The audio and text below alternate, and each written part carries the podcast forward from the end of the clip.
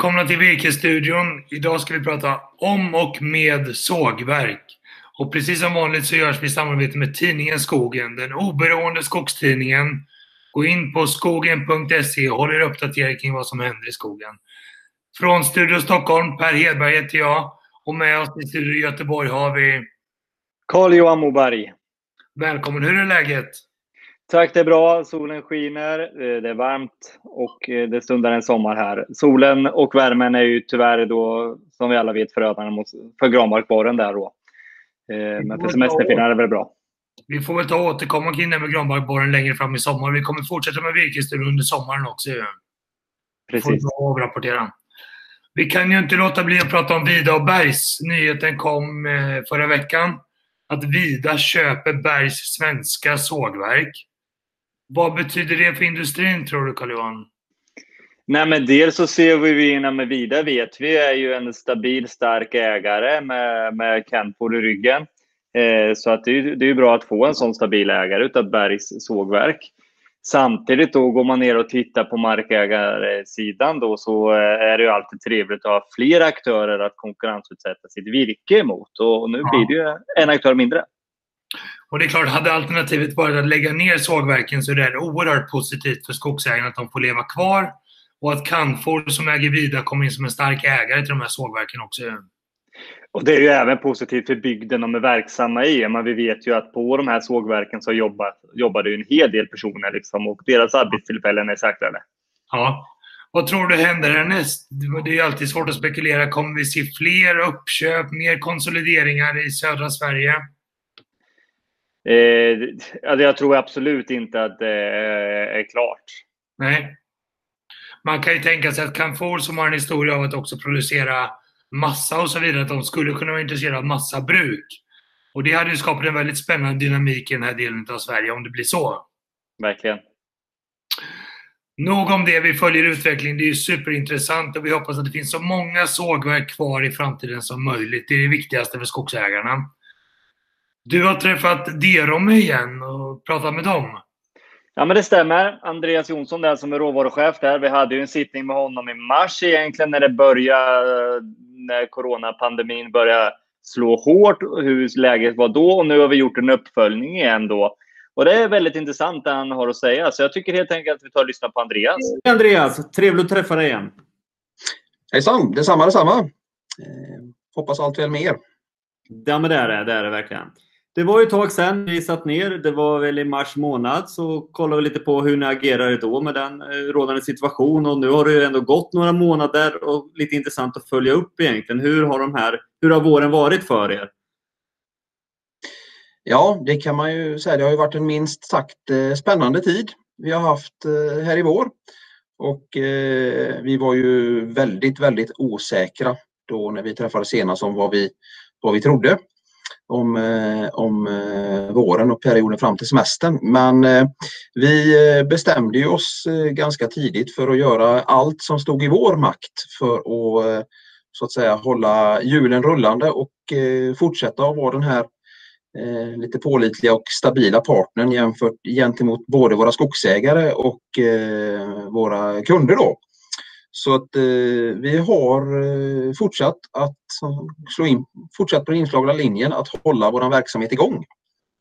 Om man kollar på marknaden då, då det, hur har det gått? Då? Ni ju, är ju, har ju byggt upp en byggvaruhandel och det vi kan läsa om i tidningen är att byggvaruhandeln har gått ganska bra i alla fall enligt media.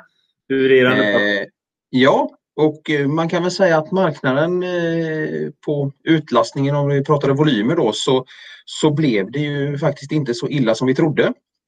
Eh, och eh, om man får göra någon form av analys av det hela så är det nog gör det själv-marknaden som har dragit egentligen i hela Europa. Eh, England är ju en väldigt viktig marknad för oss där vi exporterar mycket och de stängde ju ner eh, väldigt mycket.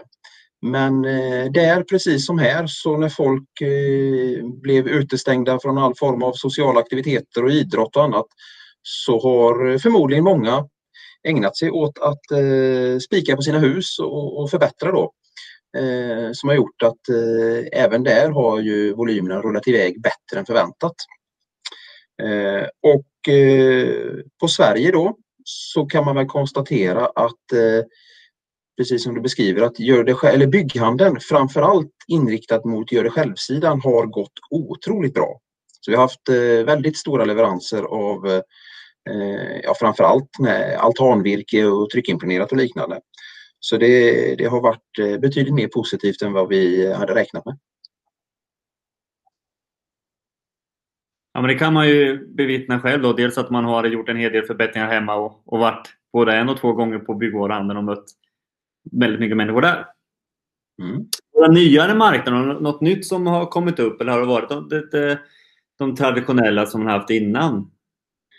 Eh, nej, jag skulle nog säga att vi har eh, huvudsakligen jobbat mot befintliga marknader. Sen kanske bearbetat fler kunder på befintliga marknader och eh, jobbat med vårt eh, koncept. Men vi, vi, upplever nog en styrka i att eh, vi har, är en stabil partner i, i de här lägena. När det är lite kärvare så, så lutar sig även våra eh, köpare mot, mot oss som leverantör då, i dessa tider. Så att vi, vi känner att det är en, en styrka för oss.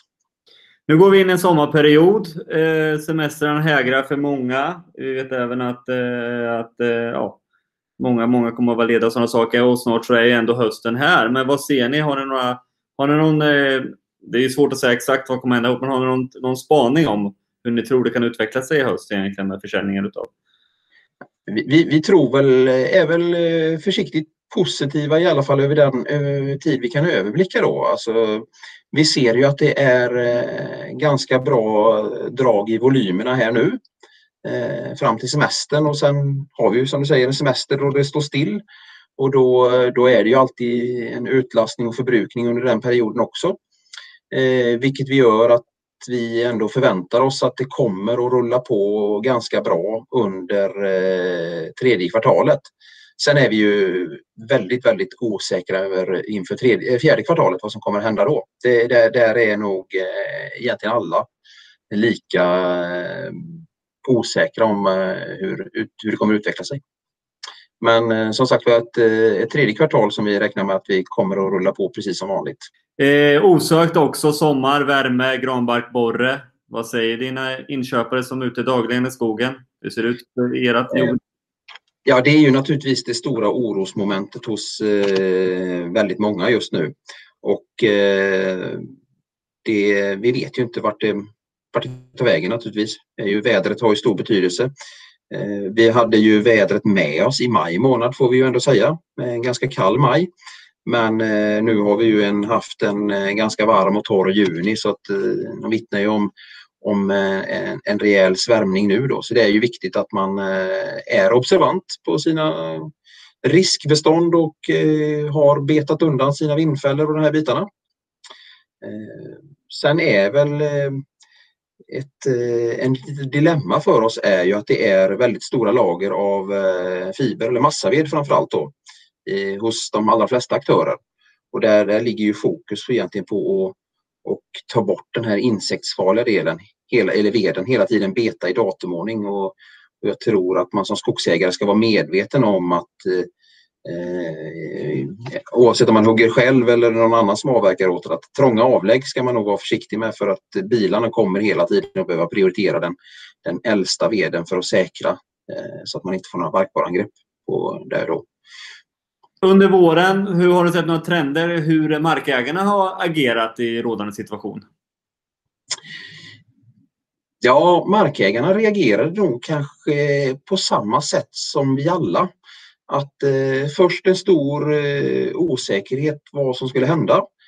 Och eh, vilket gör eh, osäkerhet eh, föder ju handlingsförlamning eller vad man ska säga. Till första veckorna där så, så märkte vi ju en eh, avstannande marknad men därefter så, så har vi hittat nya vägar och eh, eh det har rullat på. Det har varit eh, många skogsägare har egentligen agerat precis som vanligt. De har varit ute och varit aktiva i sin skog och eh, eh, tittat på vad man haft för eh, objekt som behöver tas om hand, gallringar, slutavverkningar, vindfällor, barkborreavverkningar och så vidare. Och, och eh, faktum är att vi upplever även att en del kanske rent av har varit mer aktiva i sin skog än vanligt. Man har eh, haft mer tid på grund av att man inte har kunnat hålla på med andra aktiviteter och därmed varit mer närvarande i skogen än vanligt. Eh, sen är väl en trend då att eh, eftersom läget är som det är så har vi fått hitta andra sätt att umgås och andra sätt att göra affärer. Eh, vi, har, eh, vi har ju faktiskt fått på plats ett, eh, ett sätt där vi digitalt signerar kontrakt nu här under eh, den här perioden och som då eh, jag får säga, fungerar väl och eh, tagits emot bra hos skogsägarna. Så det, det är väl egentligen den trenden vi kan se i skogsägarnas agerande, att det blir mer eh, mindre nära kontakt. Alltså vi gör en del affärer där vi inte träffas överhuvudtaget utan man får eh, underlag eh, på, på annat sätt. Då. Eh, och det är säkert någonting som vi kommer att ha med oss även i framtiden. Det här arbetssättet. Man konstaterar att det traditionella att vi träffas i skogen och sen går in och sätter oss vid köksbordet och dricker kaffe, det är inte nödvändigt. För en del har ju också begränsat med tid och tycker att det är positivt att man kan snabba på processen lite. Sen är det ju eh, fortsatt, precis som jag sa tidigare, ett stort fokus eller en stor oro från, eh, för barkborreangreppen på många håll. Mm. Med det så vill jag tacka Andreas att du ville vara med i Virkesstudion och eh, vi får, säga, vi får väl höras i höst igen och se hur det går då. Ja, tackar så mycket och vi hörs igen efter sommaren. Får vi se hur trenderna ser ut då. Nej, det är jätteintressant det här som Andreas pratar om och man kan ju prata jättelänge med Andreas. Jag har tusen följdfrågor. Vad tar du med dig från det här, Carl-Johan? Ja, men självklart är det ju så att, att jag tycker glädjen att deras strategi höll. De kunde köra på för fullt och sen så har den lyfts av gör det självmarknaden både i Sverige och utomlands. Men sen tar jag också med mig när han säger om just det här med digitala affärer. Deras virkesköpare blir mer och mer vana att göra digitala möten. De blir tvingade till det vår när man inte kan träffa markägarna på samma sätt. Och där kan ju vi då på Virkesbörsen se till att, se till att, att få det så smidigt som möjligt för dem. Jätteintressant. Med det tycker jag vi tackar för idag. Du ska få en jätteskön semestervecka så ses vi snart igen Carl-Johan. Ha det gott! Det gör vi. Ha det bra. Hej då!